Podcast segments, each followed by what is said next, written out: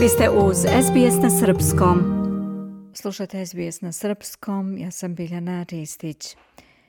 Nova studija pokazuje da australijska javnost generalno podržava napore Australije i Sjedinjenih država da se uključe u strateško takmičenje sa Kinom, ima pozitivan stav prema Vojno-političkom savezu AUKUS i vojnoj asertivnosti.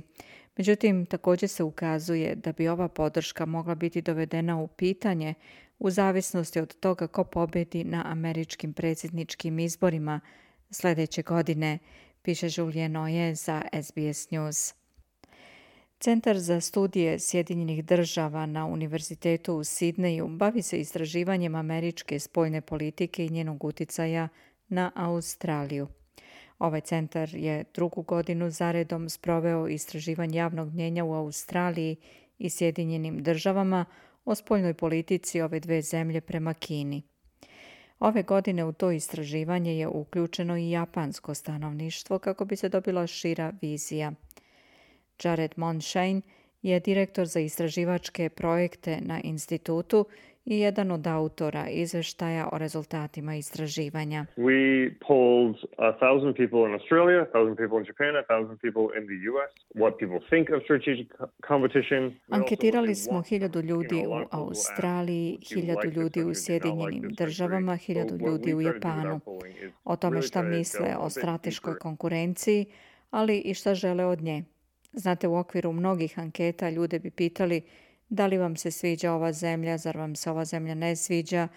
Međutim, ono što mi pokušavamo da uradimo u okviru naših anketa jeste da sagledamo stvari malo dublje.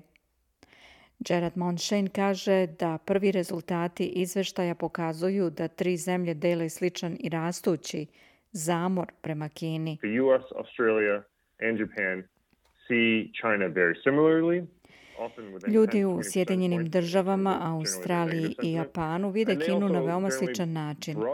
Često, uh, generalno govoreći, između 10 i 20 odsto njih iskazuje negativno raspoloženje i također se generalno slažu sa zajedničkim delovanjem. Ono što želimo da postignemo sa našim anketama jeste da postavimo stvari na viši nivo, u smislu da pitamo koliko ste spremni da stavite svoju kožu u igru gde je granica ove saradnje. Izveštaj otkriva da Australijanci generalno podržavaju asertivnu politiku prema Kini, ponekad čak i više nego što je to slučaj u druge dve zemlje. Utvrđeno je da Australijanci dvostruko više nego Japanci podržavaju američko vojno prisustvo u svojoj zemlji – a samo 17% Australijanaca smatra da je američka politika prema Kini previše agresivna. 42% Australijanaca veruje da ih AUKUS čini sigurnijim, naspram 14% onih koji veruju suprotno, dok ostali nemaju mišljenje ili misle da to ne čini bitnu razliku. A pošto je 46% onih koji kažu da bi Australija trebalo da vojno brani Tajvan u slučaju kineske invazije, Australijanci bi zapravo više podržali takav potez nego Japanci ili Amerikanci. Viktorija Cooper je zadužena za analizu dobijenih informacija i također je jedan od koautora izveštaja.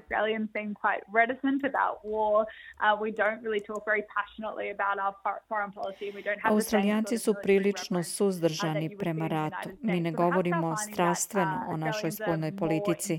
Nemamo istu vrstu poštovanja prema tome kao ljudi u Sjedinjenim državama. To je znači još nešto što smo saznali, da su Australijanci spremniji da zakorače vojnom čizmom ako Tajvan bude napadnut zajedno sa Sjedinjenim državama.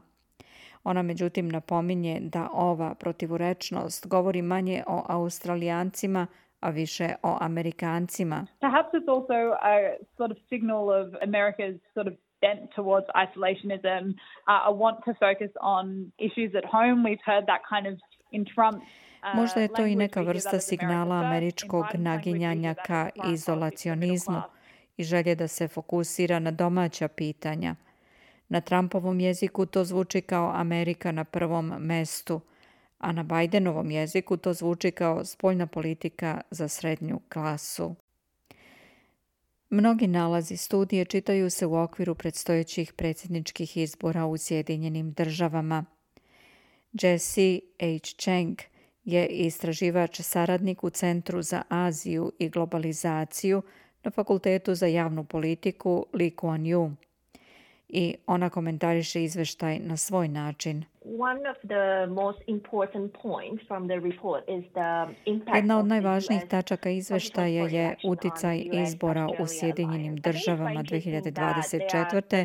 na Savez Sjedinjenih država i Australije.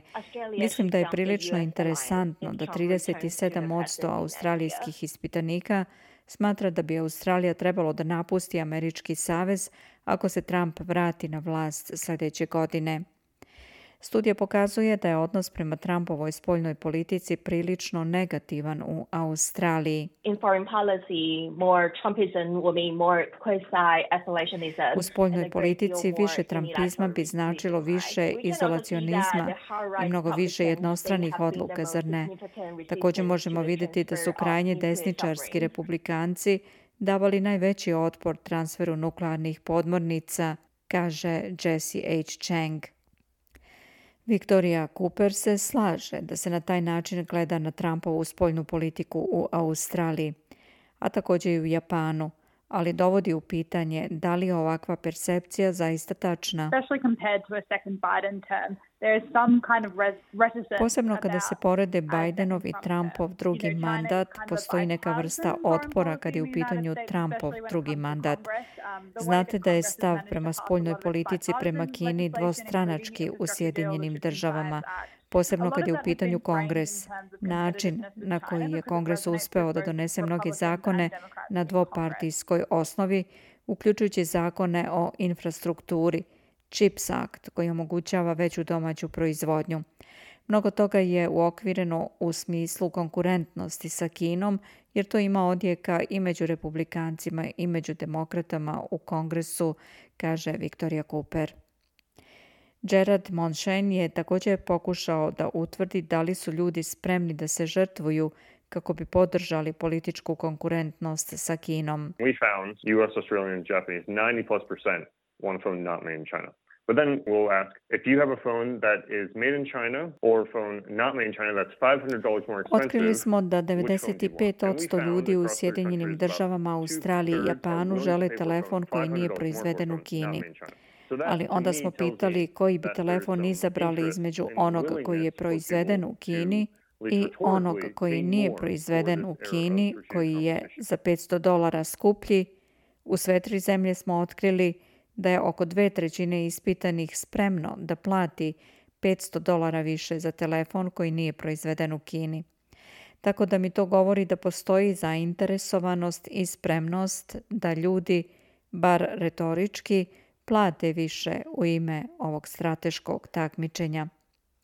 Studija pokazuje da bi trećina Australijanaca pristala da plaća veći porez kako bi njihova vojska bila konkurentnija u odnosu na Kinu, a u odnosu na to da se skoro polovina protivi sa uporedno sličnim ciframa koje dolaze od američkih ispitanika. Piše Julien Noje za SBS News. Ja sam Biljana Ristić. Želite da čujete još priča poput ove? Slušajte nas na Apple Podcast, Google Podcast, Spotify ili odakle god slušate podcast.